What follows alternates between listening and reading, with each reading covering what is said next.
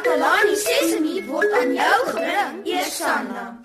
Takalani Sesemi.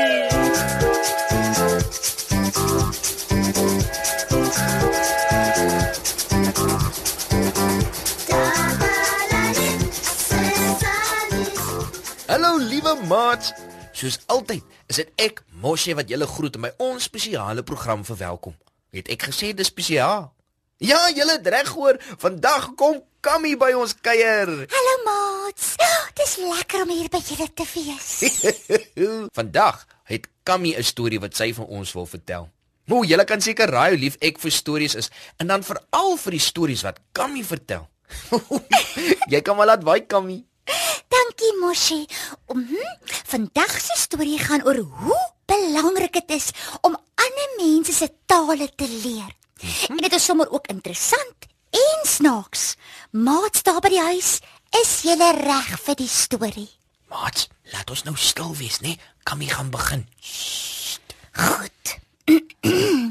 Eens op 'n tyd was daar 'n man met die naam Jaru. Nou meneer Jaru het in 'n klein huisie in 'n baie klein dorpie ver agter die berge gewoon. Meneer Jaru het nie baie gereis nie. Eendag besluit meneer Jaru egter om na 'n groter dorp toe te gaan wat 'n hele eind van sy dorpie af was. Hy wou sien hoe lyk die dorp en hoe die mense daar leef. Dit was die eerste keer dat hy soontoe sou gaan en hy was opgewonde.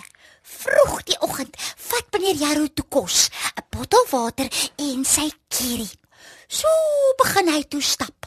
Hy het geloop en geloop en toe dit amper 12 uur die middag was, was hy nie meer ver van die dorp af nie. Toe sien meneer Jaru 'n groot trop koeie. O, oh, oh, ek ek hou van koeie. Ek hou ook van die melk wat ons van koeie kry. Meneer Jaru het die koeie goed bekyk. Hulle het almal gesond gelyk. Hy het 'n koeiwagter gesien en vir hom gevra: "Aan wie behoort al hierdie koeie?" Maar die koeiwagter het nie meneer Jaru se taal verstaan nie. Toe vra hy: "Hm, "Tony, wat in isiXhosa wat beteken?" So die mense van daardie dorp praat isiXhosa. Ja, en hy het nie die taal geken nie. So as hulle gesê het "Hm, "Tony", het dit beteken hulle weet nie wat hy sê nie. En hy het ook nie verstaan wat hulle sê nie. Toe het meneer Jaru net geglimlag. Want hy het gedink Tony was die naam van die man aan wie die groot trop koeie behoort het. Hy het gedink, hoe 'n ryk man moet hierdie meneer Tony nie wees nie. So 'n groot trop koeie. O, hy tog. Ek wens ek het hulle taal geken. Eh, Dis goed om verskillende tale te ken, né? Mm. Meneer Jaru het aangehou stap. Hy het net na middagete by die dorp aangekom. Hy was verstom oor hoe groot die gebou was. Veral een gebou het sy oog gevang.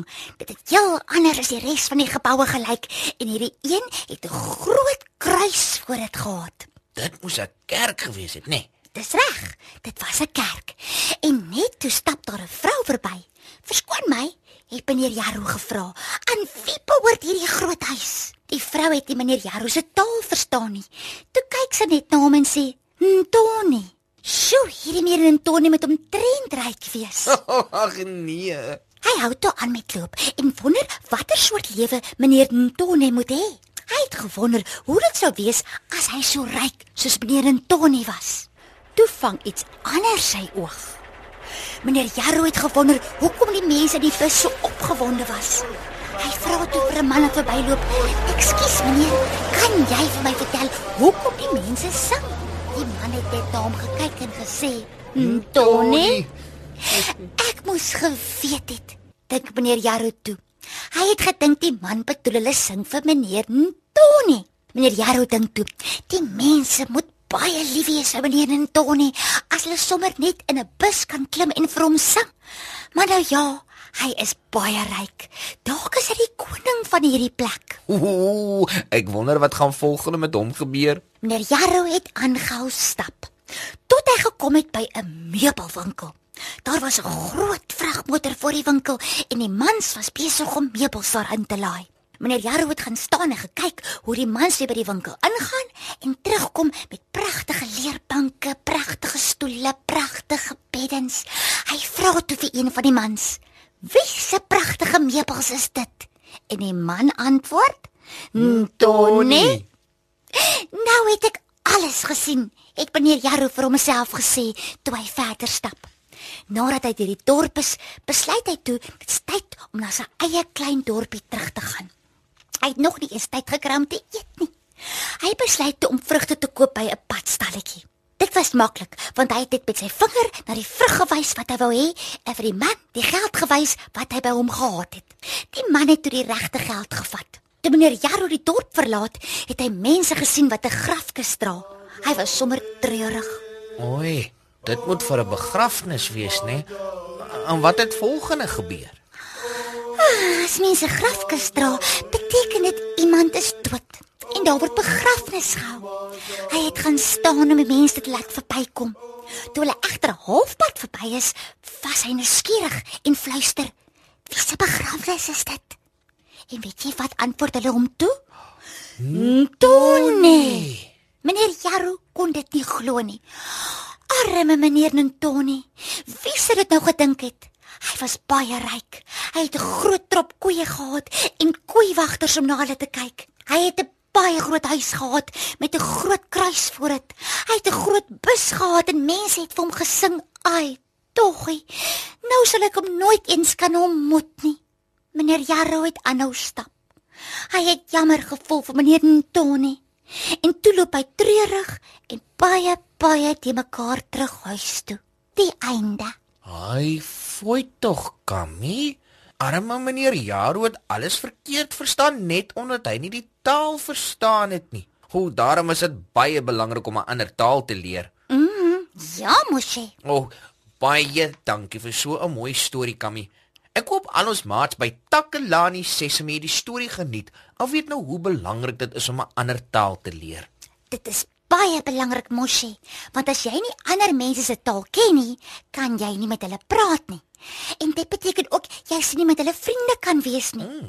En elke keer as hulle vir jou iets probeer vertel, sal jy net mekaar raak. Ja, ja, ja, jy's reg, Kammy. Kan ons nou na musiek luister? Wat dink jy daarvan, Kammy? Hm, Tony? Alles en almal is op die aarde. Alles en almal bly op die aarde. Planeet. Moet dit nooit ooit vergeet. Alles en almal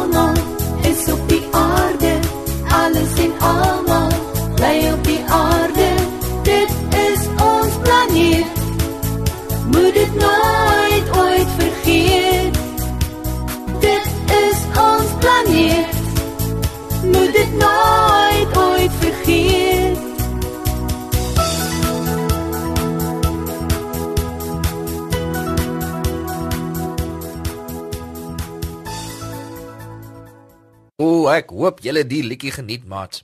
En ek moet net weer vir Kammy dankie sê dat sy vir ons hierdie storie vertel het van meneer Jaru wat 'n vreemde plek besoek en agtergekom het dat hy nie die mense se taal verstaan nie. Hy was nie al een met 'n probleem nie, want die mense van die dorp het ook nie sy taal verstaan nie. Ja, mosie. Niemand kon hom ook verstaan nie. So dit was 'n groot probleem. Nou daar het julle dit, maats. Ek het vandag 'n nuwe woord geleer. Ntoni is 'n isiXhosa woord en dit beteken wat? Dis pret om 'n ander taal te leer. Jy kan begin met iets so eenvoudig soos hoe om te groet. So van my mosie is dit dan totsiens, goodbye en salanigagle.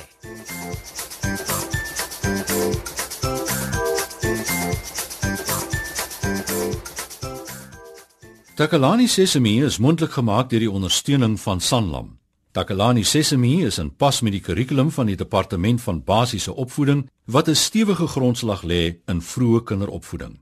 Takalani Sesemi word met trots aangebied deur SABC Opvoeding in samewerking met Sesemi Workshop. Vir kommentaar oor hierdie program, stuur asseblief 'n e-pos na takalani.sesemi@sabc.co.za.